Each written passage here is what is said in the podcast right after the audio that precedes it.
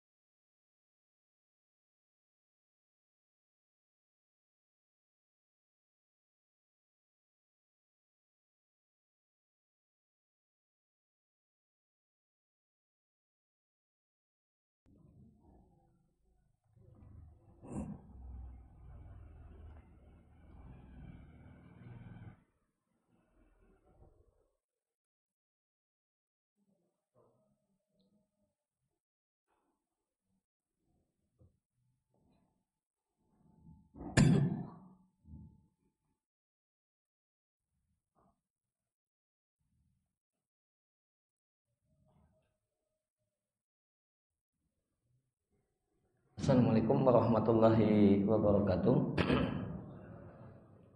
Alhamdulillah wassalatu wassalamu ala Rasulillah wa ala alihi wa sahbihi wa man tabi'ahum bi ihsanin ila yaumil amma ba'd. Bapak dan Ibu kaum muslimin dan muslimah jamaah salat subuh Masjid Al Barakah Sri Bawono. Lampungnya masih Lampung Timur. Ya, eh, Bapak dan Ibu kaum muslimin dan muslimah jemaah salat subuh Masjid Al Barakah Sipawono Lampung Timur rahimani wa rahimakumullah. Puji syukur kita hatukan kehadirat Allah Subhanahu wa taala atas limpahan nikmat dan karunia-Nya yang tak terhitung untuk kita semua di antara adalah nikmat ya, menjalankan ya, ibadah Eh, sholat subuh berjamaah di masjid yang insya Allah adalah masjid yang Allah berkahi ini. Dan sholat dan salam semoga senantiasa Allah curahkan kepada suri teladan kita Nabi Agung Muhammad Sallallahu Alaihi Wasallam keluarga beliau para sahabat demikian juga semua orang yang berupaya untuk meneladani apa yang beliau ajarkan hingga hari akhir nanti.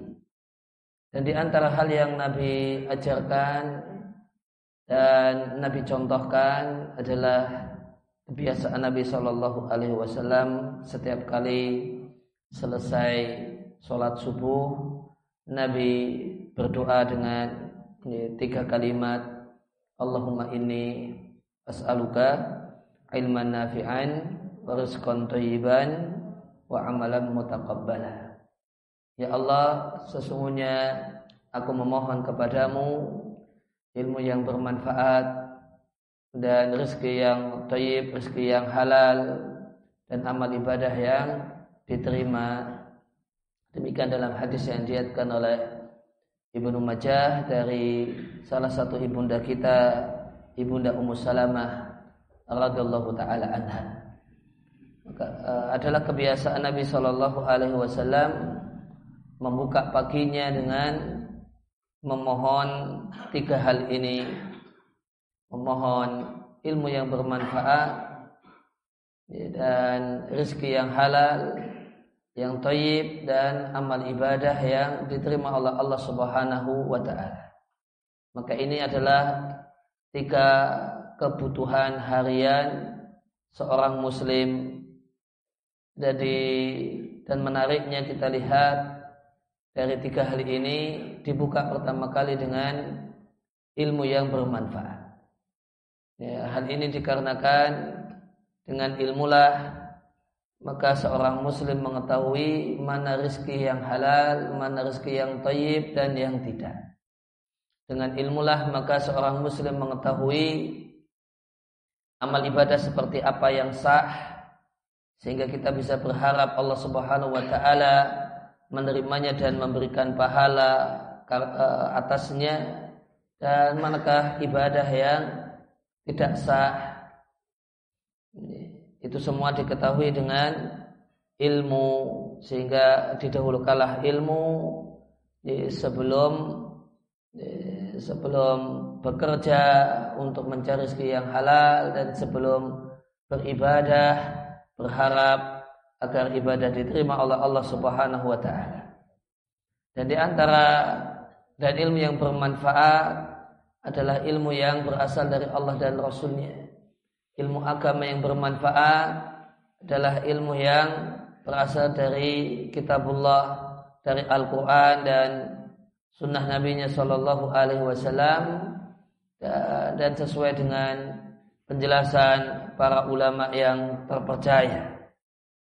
Bapak dan Ibu kaum muslimin dan muslimah rahimani wa rahimakumullah maka dengan nikmat Allah Subhanahu wa taala akan kita eh, buka hari kita di pagi hari ini dengan mengkaji ilmu yang bermanfaat seputar eh, tema bersabar berkenaan dengan masalah sabar maka ada beberapa poin yang ingin dibahas di majelis ini yang pertama pengertian sabar. Dalam bahasa Arab ya, sabar artinya adalah al-habsu menahan diri wal man'u dan mencegah diri. Dan kebalikan dari sabar adalah keluh kesah. Sehingga eh, sabar sehingga sabar adalah man'u wa habsun nafsi anil jaza'i adalah menahan dan mengendalikan diri agar tidak berkeluh kesah, menahan hati dan jiwa untuk tidak berkeluh kesah, wal lisani anit tasyaki dan menahan lidah supaya tidak mengeluh, supaya tidak sambat kata orang Jawa. Wal jawarihi anit dan menahan anggota badan ditahan dikendalikan supaya tidak melakukan gangguan semacam di masa jahiliyah ketika orang itu tidak bersabar karena ditinggal mati keluarga yang dicintai maka ada yang menampar pipi ada yang meropek-ropek kerah baju dan seterusnya ini uh, ini pengertian sabar terutama berkenaan dengan sabar menghadapi musibah dan takdir Allah Subhanahu wa taala. Sedangkan hakikat sabar adalah khuluqun fadilun min akhlaqin nafsi. Hakikat sabar adalah akhlak mulia. Maka sabar itu bagian dari akhlak mulia min akhlakin nafsi bagian dari akhlak-akhlak jiwa yang lainnya yamna'u sahibahu min fi'li ma la yahsunu wa la yajmulu yang sabar yang ada dalam jiwa ini akan mencegah mengendalikan seseorang sehingga tidak melakukan hal-hal yang tidak terpuji, hal-hal yang tidak tepat, hal-hal yang tidak indah. Wa huwa quwwatun min quwa an-nafsi. Maka sabar itu di antara kekuatan jiwa. Maka sumber sabar itu jiwa yang kuat, jiwa yang tegar, jiwa yang kuat, kokoh seperti batu kara itu itu sahabat. Allati biha solahu sya'niha wa qawamu amriha. Yang ketika sabar itu dimiliki oleh jiwa seseorang, maka akan baguslah jiwa tersebut. ya, maka itu uh, itu gambaran tentang sabar dan sabar tentu aslinya bahasa eh, bahasa Arab kalau sabar itu kita terjemahkan ke bahasa Indonesia ini padanannya banyak sekali ini padanannya banyak sekali sabar itu di bahasa Indonesia ya sabar ini sabar itu dalam bahasa Indonesia tekun Sabar itu terjemahnya dalam bahasa Indonesia ulet. Sabar itu dalam bahasa Indonesia artinya tahan banting. Sabar itu dalam bahasa Indonesia artinya tidak mudah putus asa.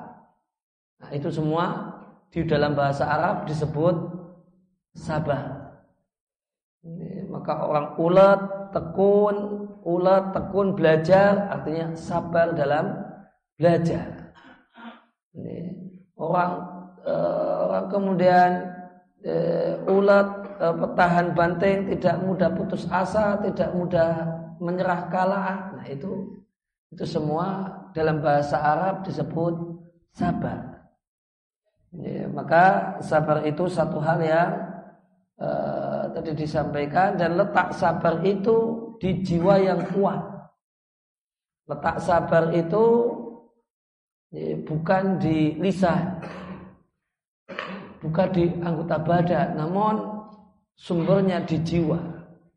Karena jiwa orang ada orang yang jiwanya kuat, ya, punya masalah, ya, ya tetap tegar, ya, tidak kemudian putus asa, tidak kemudian menyerah, mudah menyerah kalah. Itu orang yang sabar. Ya, sehingga ya, ketika seorang itu memiliki ini, memiliki sabar yang merupakan kekuatan jiwa manusia, maka seorang itu ya, akan bisa mengendalikan dirinya, ya, mengendalikan dirinya untuk memikul berbagai macam kesulitan, berbagai macam ya, hal yang berat, Demikian juga berbagai macam rasa sakit dengan berbagai macam bentuknya. Oke itu orang yang bisa kemudian tegar menghadapi kesulitan, siap untuk menderita, itu orang yang punya sabar. Orang yang tidak punya sabar, tidak siap menderita, tidak akan uh, siap untuk menghadapi masalah, ya, karena karena sabarlah yang menyebabkan seorang itu bisa ya, menghadapi kesulitan, bisa menghadapi berbagai macam rintangan, kemudian tetap tenang dalam keadaan uh, punya berbagai macam masalah. Itu uh, itu sabar. Dan di antara hal yang menunjukkan kemudian poin selanjutnya adalah hal-hal yang menunjukkan pentingnya sabar. Apa ya, urgensi sabar, nilai penting dari sabar. Di antara hal yang menunjukkan pentingnya sabar adalah sabar itu memuat mayoritas akhlak mulia. Jadi mayoritas akhlak mulia itu itu anaknya sabar. Jadi dia itu induk yang punya banyak ya, anak. Dan anaknya sabar itu berbagai macam bentuk akhlak-akhlak mulia. Contohnya, termasuk sabar akhlak mulia yang namanya hilm. Hilm itu kalem, tidak mudah emosi, tidak mudah marah, itu turunan dari sabar. Orang sabar dulu baru orangnya kalem. Ada hal-hal yang bikin marah, hal-hal yang bikin panas telinga namun dia tetap adem. Telinganya panas namun pikiran tetap eh, tetap dingin. Itu turunan dari sabar. Satu akhlak mulia namanya ya hilm Orangnya namanya Halim. Maka Halim atau Hilm adalah sabar menghadapi berbagai macam faktor faktor yang mendorong kita ingin membalas ketika kita marah. Ini anaknya sabar. Turunannya sabar. Orang yang tidak sabar, ada yang jenggeli, ya sudah. Ngomong jelek, ngomong kasar, nggak sabar ketika ada yang bikin sebel, bikin marah, bikin jengkel, ya, mukul dan sebagainya. Ya, supaya kemudian nggak mukul ketika marah, nggak kemudian ngomong kasar ketika marah, syaratnya sabar. Nanti nanti akan punya sifat hilang. Kemudian eh, yang kedua di antara anaknya sabar ada satu akhlak mulia namanya dalam bahasa Arab al-anah. Tenang. Tenang. Tenang di sini kebalikan dari al-ajalah. Kebalikan dari tergesa-gesa gusa-gusu kebalikan dari kesusu. Maka ya, Al-anah sikap tenang hati yang tenang, kemudian nanti juga punya sikap tenang itu adalah buah dari sabar, yaitu sabar dengan adanya berbagai macam yang menyebabkan membuat kita bingung dan membuat kita tergesa-gesa. Ini ada ini, ada itu, tetap tenang. Dipikir dulu, ditimbang-timbang dulu, jangan kemudian laut dalam suasana yang mendorong kita untuk uh, untuk kemudian untuk tergesa-gesa. Maka ini turunannya dari sabar. Misalnya ketika dulu ada ya, ya, tahun 2006 ada gempa di Bantul di Jogja. Maka itu gempa jam 6 pagi. Jam 6 pagi habis ada gempa kemudian ditambah isu tsunami. Uh, orang orang pada tergesa-gesa ingin menyelamatkan diri. Ya, maka di situ kelihatan akhlak mulia tenang. Di situ terlihat orang punya akhlak mulia tenang ataukah tidak. Ini suasananya bikin tergesa-gesa. Dan di pada saat itu orang pada mengungsi ke arah eh, ke arah Merapi. Ya, ke arah Merapi sudah kemudian dari selatan di pantai selatan dari arah selatan isunya tsunami. Habis itu disusul dari utara Merapi ada di utara. Merapi juga eh, gempa itu karena Merapi meletus. Nah, jadi orang tambah bingung itu. Orang tambah bingung tergesa-gesa di hari itu banyak orang mati itu bukan karena gempa. Ini di antara Mati itu karena tabrakan. Yang utara mau ke selatan katanya Merapi. Ya, Merapi meletus. Yang ke selatan mau ke utara katanya tsunami. Ya, katanya tsunami. Wah itu di situ terdapat faktor suasana mendorong untuk tergesa-gesa mengambil keputusan. Di situ akan terlihat siapa yang punya al-ana. Punya kemudian ketenangan. Ketenangan dipikir ini isu yang bikin bikin kita ribut dan khawatir atau betulan. Nah ini turunan dari sabar. Tanpa sabar orang tidak punya al-anah, sikap tenang, dipikir, ditimbang, orang pada tergesa-gesa semua, kita tidak harus ikut-ikutan demikian. Kemudian ya, ada akhlak mulia memaafkan. Ada akhlak mulia memaafkan. Itu juga turunan dari sabar. Ya, sabar untuk tidak membalas itu memaafkan. Kalau orangnya tidak sabar, tidak bisa memaafkan. Maka kita lihat ya, supaya orang kemudian tidak membalas sabar mas sabar, betul sudah. Sabar dulu sabar, nanti orang baru bisa memaafkan.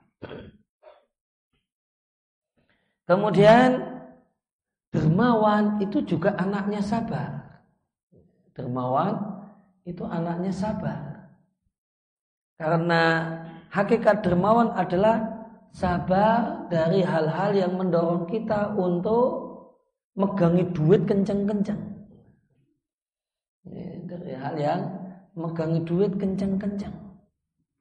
Itu perlu kesabaran supaya dorongan untuk duit itu dipegangi kenceng-kenceng itu ya ya, maka perlu kesabaran. Nanti buahnya adalah kedermawanan. Maka dermawan itu buah dari sabar. Sabar untuk tidak mengikuti dorongan jiwa untuk pelit.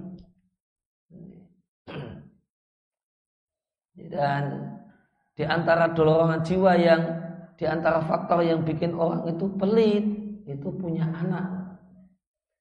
Anak itu bikin orang jadi pelit. Sebagaimana sabda Nabi Shallallahu Alaihi Wasallam di hadis yang diatkan oleh Al Bukhari di Al Adab Al Mufrad dan mengatakan bahasanya uh, al abna'u mubakhilah wa mujabbinah kata Nabi Shallallahu Alaihi Wasallam anak itu membuat banyak orang jadi pelit. Dan anak itu membuat orang banyak orang jadi penakut. Itu kata Nabi alaihi salatu wasallam maka kalau belum punya anak boleh jadi orang itu mudah dermawan. Mau ngasih ini mau ngasih ini ngasih itu. Nanti kalau sudah punya anak dipikir-pikir waduh ini duit ini ya untuk jajan anak ini untuk belikan mainan anak ini untuk bayar sekolah anak ini untuk ah, itu. Nanti semuanya alasannya anak semua. Ini mainannya anak jajannya anak sekolahnya anak ini macam-macam. Gara-gara pertimbangan anak gara-gara pertimbangan anak banyak laki-laki itu jadi pelit. Kalau pertimbangan istri bisa jadi tidak masuk tidak apa-apa tapi kalau kalau sudah pakai atas nama anak, istri pun juga eh, memprovokasi suaminya untuk pelit pakai alasan anak.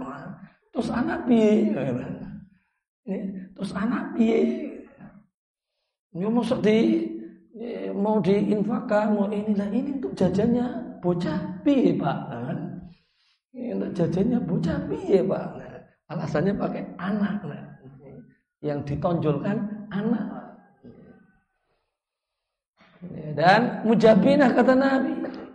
Dan e, anak itu bikin orang e, penakut, orang e, yang gagah perkasa, seorang pemberani di medan perang setelah punya anak mikir nanti gimana anak saya banyak yang jadi hilang pemberaninya karena nimbang anak Sebagian preman-preman yang nekat itu nekatnya berkurang setelah punya anak. Setelah punya anak dan dia kelihatan jadi bapak yang sayang dengan anak, itu nekatnya beda. Sebelum nikah, sebelum nikah, ini preman ini wah nekat-nekat. Habis nikah punya anak, nekatnya jadi berkurang. Nekatnya jadi berkurang, kendelnya kurang. Kenapa? Mikir anak. Dia eh, mengkhawatirkan anaknya.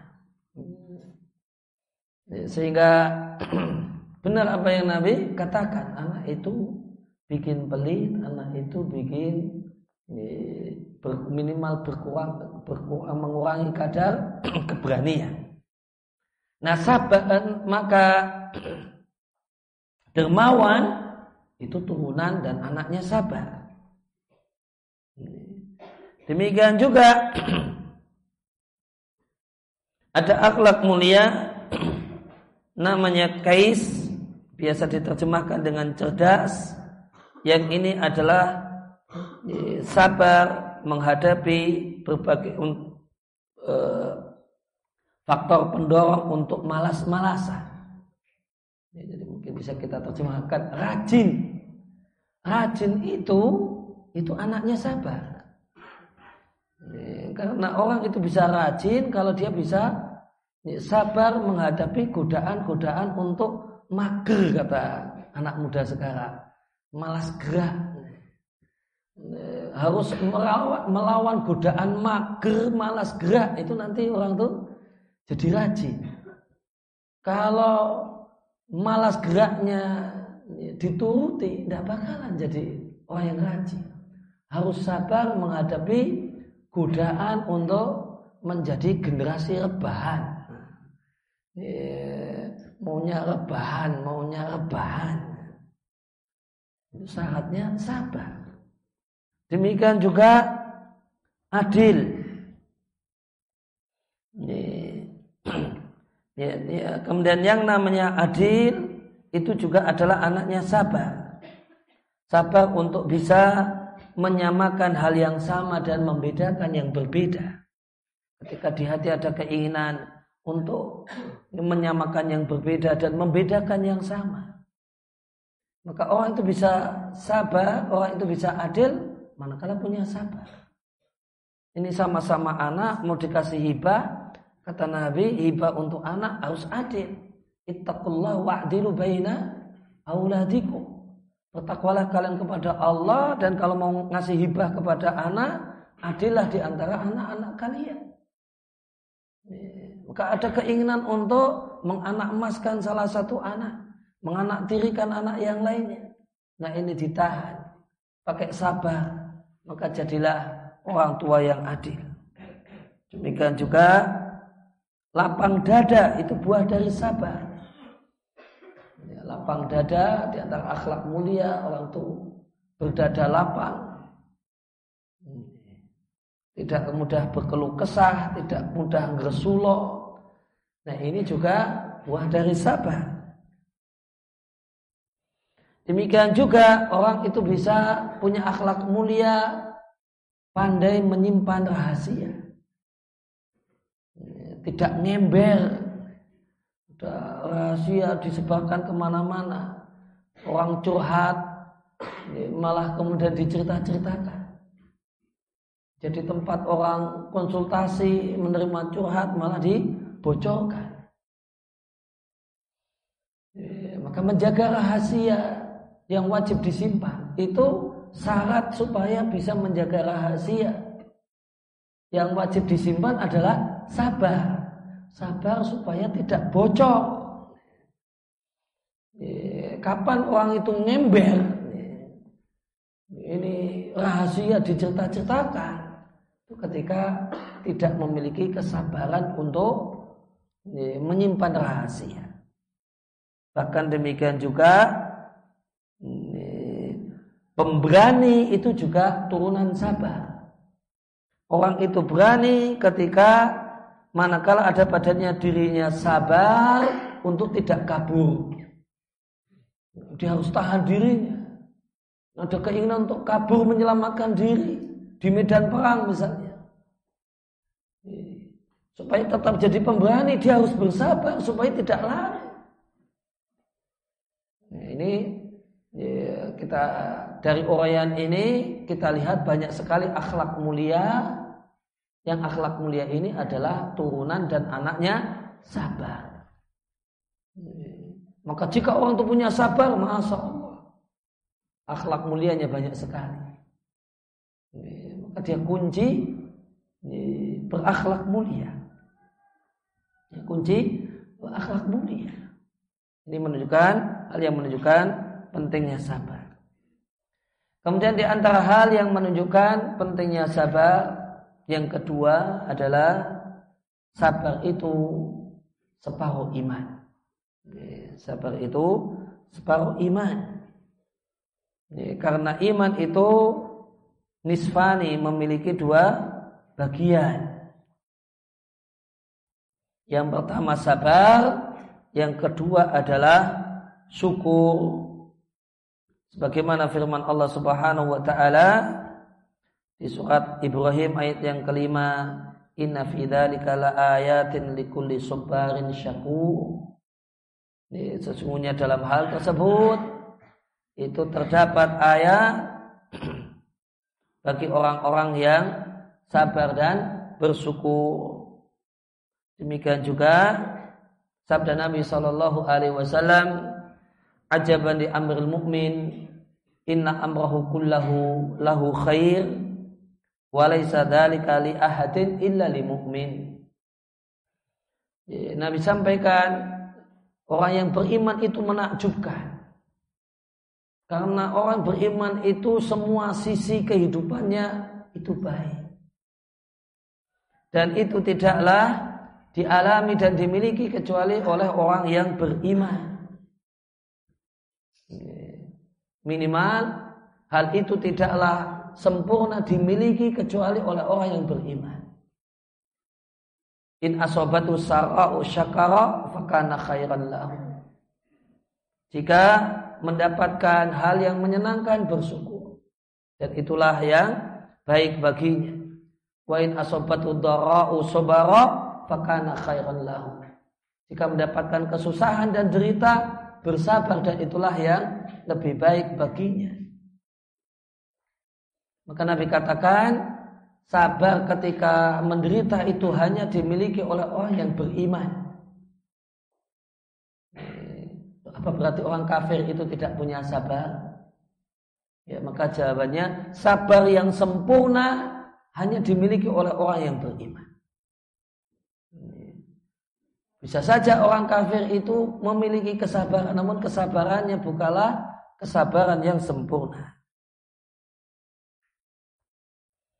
Kemudian di antara hal yang menunjukkan pentingnya sabar yang keberapa? Berapa mas? Yang keberapa? Yang ketiga, hal yang menunjukkan pentingnya sabar adalah ya as-sabru sababu husuli kulli kamali.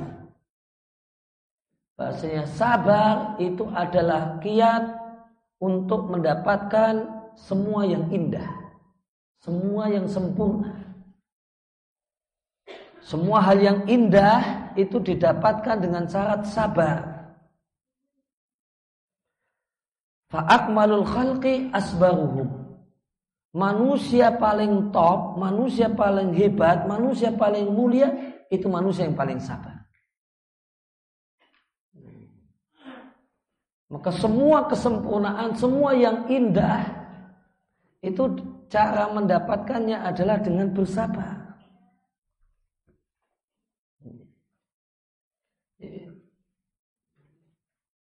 Maka ada orang yang mendapatkan keindahan orang itu menjadi pengusaha sukses. Satu hal yang indah. Apa syaratnya? Sabar. Ulet, tekun, nggak mudah ganti-ganti bisnis. Kalau gonta ganti, bosenan aja. Orang yang tidak sabar itu bosenan. Ya, orang yang bosenan bisa jadi pengusaha sukses? Tidak bisa. Syarat jadi pengusaha sukses sabar. Sabar dalam pengertian ulet, tekun, tahan banting. Itu nanti insya Allah sukses. Tapi coba bosenan. Maka bisnis A 6 bulan bosen ganti. 6 bulan bosen ganti. Tidak, tidak akan sukses. Ya, jadi kalau ketika kita kerja ikut orang jadi karyawan, jadi pegawai, pegawai sukses, ya sabar. Tidak ada tempat kerja yang bebas dari hal yang tidak menyenangkan, itu tidak ada. Ingin punya tempat kerja yang bebas dari hal yang tidak menyenangkan, tidak bakalan ketemu. Dicari sampai ujung dunia, kalau ujung dunia seandainya ada ujungnya, itu tidak bakalan ketemu. Di mana pun tempat kita kerja itu ada yang jengkeli. Kalau nggak bosnya yang jengkeli, ya itu ya teman kerjanya jengkeli. Kalau nggak teman kerjanya jengkeli, konsumennya yang nyebeli. Itu muter aja di situ, Pak. Berputar di situ. Mau kemudian ya, bekerja tanpa ada hal yang jengkeli, nyebeli, nggak bakalan ketemu. Sehingga pegawai yang sukses, karyawan yang sukses itu sabar. Orang belajar yang sukses itu apa kuncinya? Sabar. Kuncinya? Sabar. Sabar dengan macam-macam. Semuanya sabar. sabar berkenaan dengan fasilitas sabar dengan suasana tempat belajar. Kalau orang itu e, belajar nggak mau sabar, itu dijamin nggak betah. Kenapa orang itu nggak betah, nggak punya sabar? Kalau nggak betah, ya pindah-pindah tempat. Pindah-pindah tempat. Padahal tempat belajar yang lain, ya itu juga punya masalah, cuma berbeda saja masalahnya. Karena hidup itu kata orang Jawa, wang sinawang. Sepertinya di pondok sana lebih enak. Nah, itu. Pindah sana, oh ternyata ya ada keluhannya juga. Uh, katanya teman saya sebelah sana lebih asik. Apa kemudian nggak ada masalah? Ada juga masalah. Kalau di sini keluhannya fasil, misalnya di sini keluhannya fasilitas, di sana keluhannya teman belajarnya. Di sana keluhannya gurunya, di sana keluhannya ya, apanya. Ya, di sana keluhannya oh airnya, di sana keluhannya oh airnya sulit. Di sana nanti keluhannya apa lagi? Orang yang sukses belajar syaratnya sabar. Tidak bakalan ada orang yang sukses belajar tanpa sabar.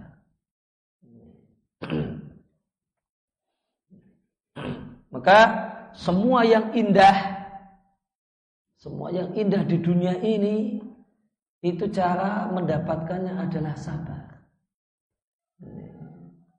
Karena dengan sabar, orang itu bisa melalui berbagai macam kesulitan. Dan tidak ada tidak ada kemudian keindahan hal-hal yang indah tanpa melalui kesulitan. Tidak ada.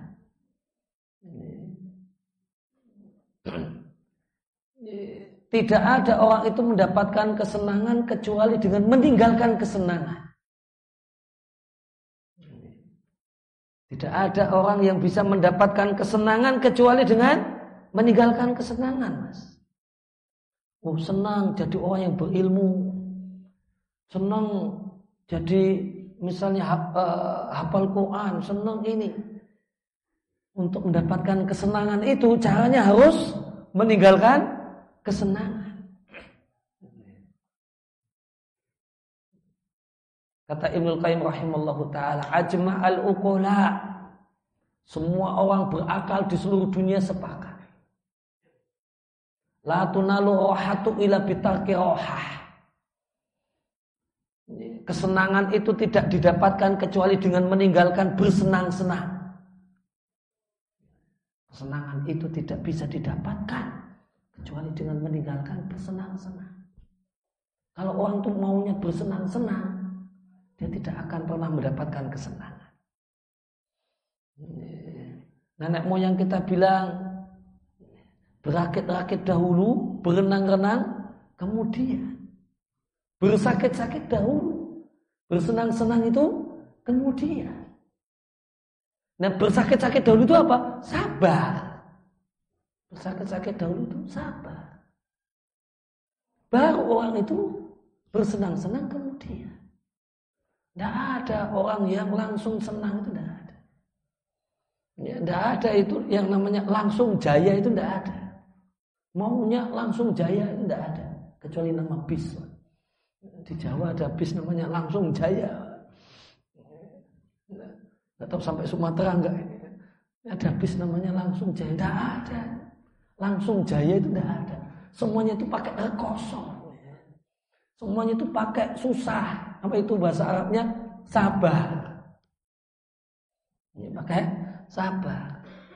Gak ada itu langsung jaya kecuali warisan kecuali warisan. Dan jika langsung jayanya itu pakai warisan, itu cepat menguap. Karena tidak tahu nilainya.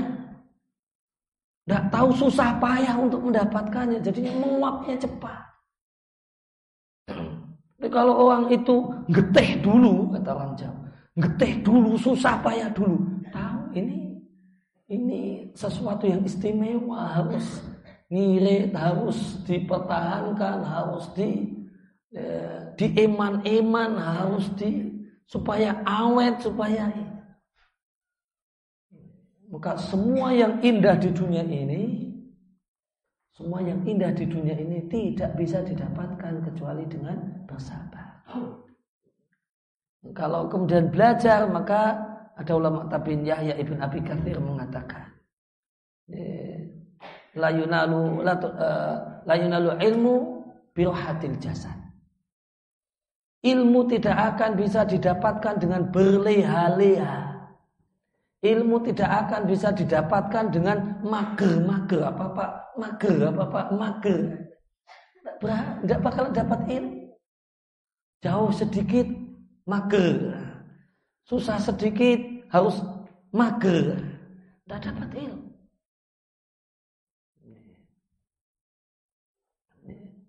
Maka kunci sukses sukses dunia, sukses akhirat itu bahasa Arabnya sabar.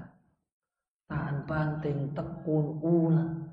Itu kunci sukses, mau sukses dunia, mau sukses akhirat. Mau sukses jadi orang yang berilmu agama, ilmu agamanya Masya Allah, itu semuanya pakai susah payah belajar. Ya, pakai susah payah belajar. Tidak ada orang yang tidur tidur bangun-bangun sudah hafal Quran itu tidak ada. Leha-leha, kemudian tiba-tiba sudah pintar nahu sob, baca kitab lancar itu tidak ada ceritanya. Tidak ada ceritanya mas. Semua orang pintar itu susah dulu. Semua orang pintar itu susah dulu. Semua orang berilmu itu susah dulu. Mau ilmu dunia, mau ilmu agama sama. Mau sukses ibadah, jadi ahli ibadah. Ya, jadi ahli ibadah. Ya, puasanya hebat, sholat malamnya top. Itu dengan leha-leha? Tidak bisa. Orang leha-leha ya tidak mau puasa. Jadi ahli ibadah puasanya top. Ya pakai susah payah puasa. Jadi ahli ibadah sholat malamnya top itu ya susah payah. Gak ada kemudian, oh masa Allah beli ahli ibadah. Gimana kuncinya? Mager, malas gerak. Ada. Oh, masa Allah ilmunya uh, luar biasa. Apa kunci suksesnya? Leha-leha ada ada. Oh pengusaha top. Tingkat nasional. Orang paling kaya se-Indonesia. Apa kunci suksesnya? Leha-leha, tidak ada mas. Tidak ada ceritanya. Tidak ada ceritanya orang sukses di dunia ini. Mau sukses ilmu, mau sukses duit, mau sukses agama, sukses ya, dunia. Tidak ada ceritanya yang didapatkan dengan leha-leha. Tanpa bersabar. Tanpa ya, tahan banting. Jadi maka di antara hal yang menunjukkan pentingnya sabar dengan pengertian yang telah disampaikan ya, itu adalah karena ya, manusia yang paling indah keadaannya yang paling hebat sabarnya. Karena orang itu punya uh, ya, orang itu punya sabar yang sempurna. Itu manakala memiliki tekad hati yang membaca. Tekad hati yang membaca. Itu nanti punya sabar yang sempurna. Dan siapa yang tidak punya tekad hati yang membaca, maka dia tidak akan pernah sempurna. Maka orang itu akan punya sabar yang sempurna, syaratnya dua. Pertama azimah, punya tekad yang membaca, kemudian sabar, kemudian stabil, tidak berubah-ubah, tidak bosenan, stabil dan konstan. Begini terus. Belajar terus, tiba-tiba 6 tahun belajar, lu kok udah pinter. Belajar terus, 10 tahun belajar, lu kok kata orang, saya udah pinter banget. Nah, maka orang punya sabar yang sempurna itu manakala punya azimah. Tekad hati yang membaca. Kemudian yang kedua sabar. Stabil. Konstan. Tidak belok kiri, tidak belok kanan. Tidak bosenan. Itu nanti sabarnya sempurna. Sabarnya sempurna. Nah, pepatah Arab mengatakan man sabata nabata. Siapa yang ajak, dialah yang tumbuh. Dialah yang tumbuh. Siapa yang ajak belajar, nanti akan, tumbuh ilmunya. Siapa yang ajak tekun kerja, akan tumbuh hartanya. Tapi kalau ndak ajak, bosenan. Kadang semangat, semangat sebentar, liburnya lama. Semangat sebentar, liburnya kelamaan. Tidak jadi. Mantabata, nabata. Siapa yang ajak dialah yang tumbuh. Maka sabar sempurna isinya dua. Tekad yang membaca serius dan ya, ajak maka siapa yang tidak punya tekad yang membaca, tidak bakalan sempurna. Siapa yang punya tekad membaca, tekadnya kuat, namun tidak punya ajak. Nanti jadinya panas-panas tai ayam. Wow. Membaca tekadnya. Nah, namun orangnya tidak ajak. Sehingga cuma dua, dua bulan habis itu foto, habis itu loyo. Maka orang yang punya tekad yang kuat namun tidak punya ajat, stabil, itu juga natis. Faida indoma asabatu ilal azimati. Non jika dua ini bisa dipadukan, dua ini bisa dikawinkan. Bisa dipadukan pada diri seseorang. Terpadu pada dirinya, tekad yang membaca, Ya, ditambah ajak. Maka masa Allah asmara kulla maqamin syarifin wa halin kamilin. Maka dia akan mendapatkan semua yang indah. Manakala seorang itu bisa mengawinkan dalam dirinya, memadukan dalam dirinya tekad yang membaca sama konstan stabil dalam hal yang di tekati tadi. Oleh karena itu terdapat diriwayatkan dari Nabi Shallallahu Alaihi Wasallam terdapat satu doa Nabi Shallallahu Alaihi Wasallam Nabi mengajari kita di satu doa yang diatkan oleh At-Tirmidzi supaya memadukan dua hal ini. Nabi katakan, Allahumma ini as'aluka tsabata fil amri wal azimata ala rusydi Ya Allah aku memohon kepadamu menjadi orang yang punya jiwa ajak, stabil, konstan.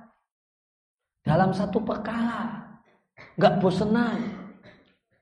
Gak tengok kiri, tengok kanan. Kemudian wal azimata ala rusdi dan ya Allah aku meminta agar memiliki tekad yang membaca dalam kebaikan dan kebenaran. Masya Allah indah sekali doanya.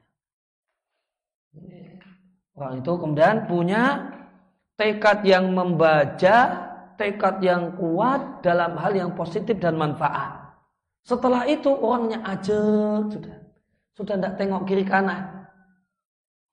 Ada bisikan sana dan sini tidak peduli ini sudah benar saya lempeng di sini. Saya lurus di sini. Itu berhasil. Dua ini. Dua hal ini itu kunci sukses. Itu kunci sukses. Siapa yang bisa memadukan dua hal ini tadi disampaikan, maka dia akan mendapatkan semua yang indah. Semua yang bagus, semua yang bermutu, semua yang bikin decak kagum banyak orang. Itu dibangun di atas dua hal ini. Tekad yang membaca dan stabil dalam hal yang ditekuni. Ya, maka segala hal yang indah itu buah. Segala hal yang indah itu buah. Pohonnya isinya dua. Segala hal yang indah adalah buah dari perpaduan di antara dua hal. Tekad yang membaca dan stabil dalam tekun. Stabil itu bahasa Indonesia apa ya? Tekun. Ulat, ajek itu pohonnya. Dan pohon ini harus punya akar, akarnya sabar. Akarnya yang paling dalam itu sabar, batangnya batangnya adalah tekad yang membaca dan ajak stabil. Buahnya segala yang indah, segala bentuk kesuksesan, sukses dunia, sukses agama, sukses ilmu, sukses harta. Itu buahnya. Buah dari pohon yang isinya adalah tekad yang membaca dan eh, ajak dan stabil tekun menekuni sesuatu. Kemudian berkenaan dengan masalah sabar tentu kita ketahui bahasanya sabar itu ada tiga macam. Yang pertama adalah sabar untuk taat kepada Allah Subhanahu wa taala. Ya, untuk bisa menjadi manusia yang taat, ya, untuk bisa menjadi manusia yang taat itu memerlukan kesabaran. Jalan menuju ridha Allah itu penuh onak dan duri. Jalan menuju surga itu penuh dengan hal-hal yang tidak disukai. Jalan surga itu tidak bertabur bunga, namun bertabur derita. Itu jalan surga. Ditambah kecenderungan jiwa manusia tidak mau dibatasi ini dan itu. Maunya merdeka, suka-suka maunya merdeka, bahasa gaulnya suka-suka.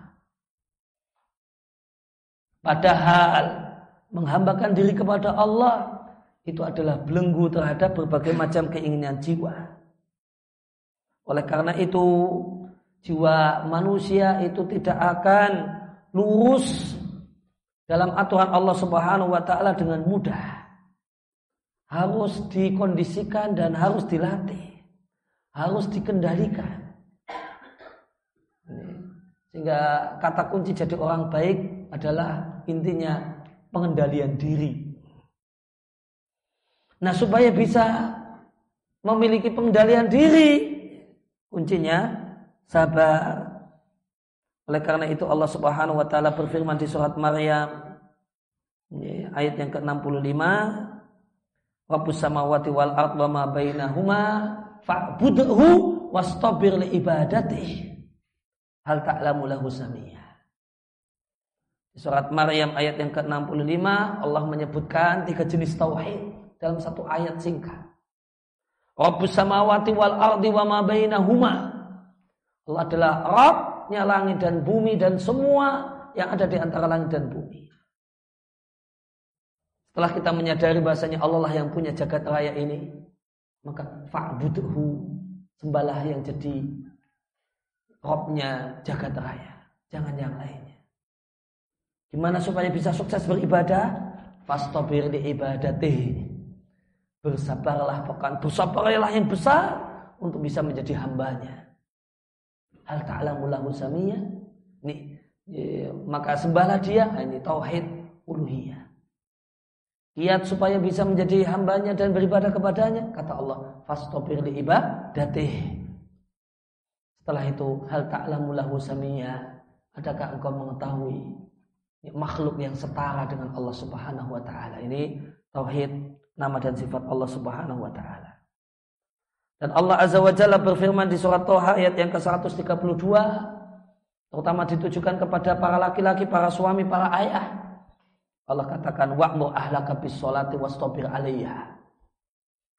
Wahai para ayah, wahai para suami,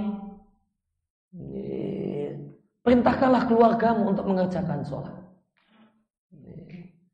Maka e, laki-laki yang baik, suami yang baik, ayah yang baik itu yang ngecek, yang memperhatikan sholat keluarganya, sholat istri dan anaknya. Wastabir alaiha.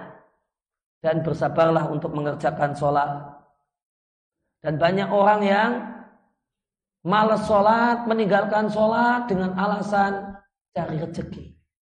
Maka lanjutannya ayat, La nas'aluka rizqa, nahnu narzukuka. Maka jangan beralasan cari duit untuk meninggalkan sholat. Jangan beralasan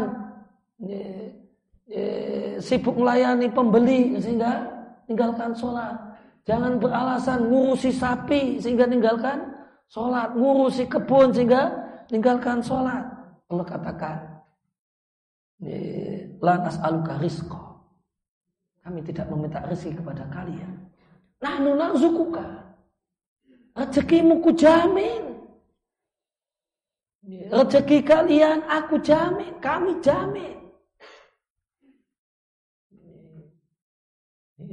Maka jangan beralasan dengan dengan alasan rezeki. Allah yang jamin rezeki. Dan Allah yang punya rezeki. Wal akibatul taqwa. Kesudahan yang baik itu milik orang yang bertakwa. Boleh jadi orang itu dengan bertakwa, dengan dia mengutamakan sholat, kayak-kayaknya untungnya uang. Ini kayak kayaknya duitnya berkurang nggak maksimal. Namun ingat kesudahan yang baik itu dimiliki oleh orang yang bertakwa yang mengutamakan dan menomorsatukan sholat. Kemudian eh, singkatnya sabar untuk taat itu sabar dalam ketaatan itu memiliki tiga cabang. Yang pertama sabar sebelum taat dengan memperbaiki niat, dengan menjaga hati dan keikhlasan. Kemudian yang kedua, sabar ketika sedang melakukan ketaatan. Bentuknya eh, tidak lalai ketika mengerjakannya.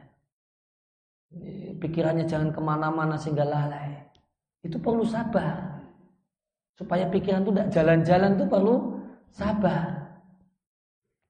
Supaya sholat itu badannya dan pikirannya itu perlu sabar. Dan tidak malas-malas ketika mengerjakannya berat. Kata orang Jawa alas-alasan. Namun supaya energik, semangat untuk mengerjakannya itu perlu sabar. Kemudian sabar ya, eh, kemudian cabang yang ketiga adalah sabar setelah selesai beramal. Cara bentuknya bersabar supaya tidak kagum dengan diri sendiri. Sabar untuk tidak merasa. Merasa sudah baik, merasa sudah soleh, merasa sudah bertakwa. Anfusakum wa. Janganlah kalian memuji diri kalian sendiri menganggap diri kalian sudah baik, sudah bertakwa, sudah soleh. Allah yang lebih tahu siapakah di antara kalian bertakwa.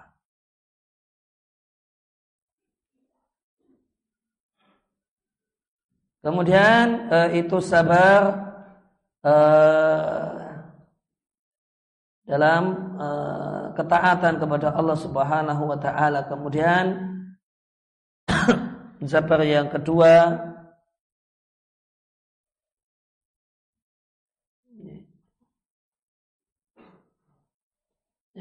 sabar untuk bisa mengendalikan diri dari godaan maksiat dan berbagai macam hal yang haram.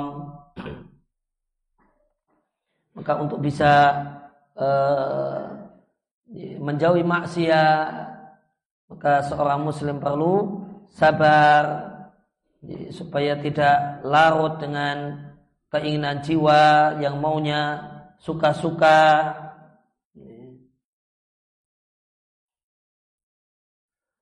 Dan di antara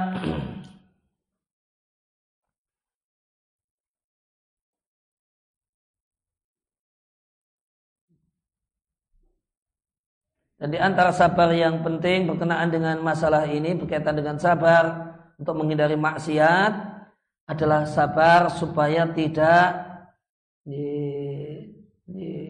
tergoda dan terpana dengan dunia yang dimiliki oleh orang lain. Yeah. kita diperintahkan untuk bersabar, untuk tidak terpana dan terpesona dengan dunia yang Allah berikan kepada orang lain. Sebagaimana firman Allah Subhanahu wa taala di surat Toha ayat yang ke-131 wala tamudanna ainaika ila ma matta'na bi aswajan minhum zahratal hayatid dunya. Ya, janganlah engkau panjangkan matamu, janganlah kamu melototi kau pelototkan matamu untuk menyaksikan berbagai macam kesenangan yang kami berikan kepada mereka. Itu semua adalah zahratil hayatid dunia. Itu semua adalah bunga kehidupan dunia. Linaftinahum fi untuk menguji mereka warisku rabbika khairu wa abqa. Dan rizki dan kaunia Rabbmu itulah yang lebih baik dan yang lebih abadi. Maka ya, Allah perintahkan kita untuk memiliki sabar, menahan diri, untuk tidak terpesona, untuk tidak terpana dengan dunia yang ada pada orang lain. Oleh karena itu ketika eh, menjelaskan tentang ayat Rodul Basar menundukkan pandangan, kata Sayyidina Sa'di di tafsirnya, salah satu Rodul Basar itu adalah Rodul basor dari kemewahan dunia. Ya, salah satu menundukkan pandangan yang diperintahkan bukan hanya menundukkan pandangan sama lawan jenis. Termasuk menundukkan pandangan yang diperintahkan adalah menundukkan pandangan dengan kemewahan dunia. Itu dunia orang lain. Ya, maka ya, jangan suka kemudian jangan punya hobi mengoleksi foto mobil mewah ditempelkan di kamar. Itu tidak godul basal itu nanti tidak godul basal jangan punya hobi beli tabloid jajet kemudian untuk lihat-lihat edisi terbaru. Laptop terbaru fitur-fitur HP terbaru itu namanya tidak godul basal itu namanya cari masalah Cari pengrusak hati. Jangan punya hobi kemudian jalan-jalan sekedar untuk lihat pameran mobil mewah. Pameran mobil mewah. Kalau mau beli mobil mewah silahkan. Kalau cuma untuk jalan-jalan lihat-lihat. Wah ada mobil 1M kayak gini ya. Oh ini mobil 3M kayak gini ya. Cuma lihat-lihat saja. Itu tidak rodul basah. Tidak Rodul basar. Salah satu rodul basar menundukkan pandangan adalah menundukkan pandangan dari kemewahan hidup di dunia. Hidup dunia. Kemewahan dunia yang di, didapatkan dan dimiliki oleh orang lain.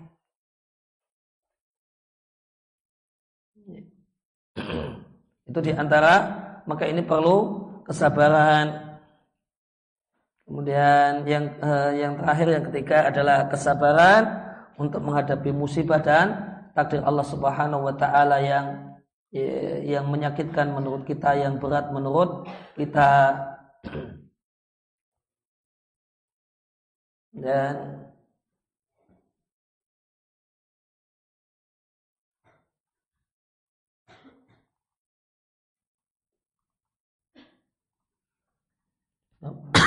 kemudian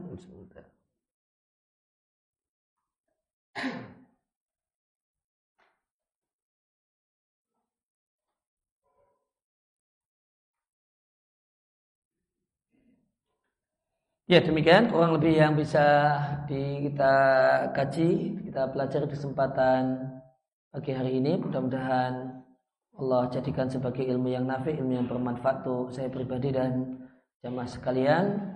Ya, terima kasih atas kehadiran ya, Bapak dan Ibu sekalian. Demikian juga anak-anakku para santri. Ya, semoga kehadiran kita semua di tempat ini Allah catat sebagai amal soleh tolabul ilmi yang memberat timbangan kebajikan kita di sisi Allah Subhanahu wa taala di hari tidaklah bermanfaat harta dan anak kecuali orang yang menghadap Allah dengan hati yang bersih dan amal yang soleh. Terima kasih atas perhatian. Mohon maaf atas segala kekurangan. Kita akhiri dengan kafaratul majlis. Subhanakallahumma wa bihamdika. Asyhadu an la ilaha illa anta. Wa atubu. Wassalamualaikum warahmatullahi wabarakatuh.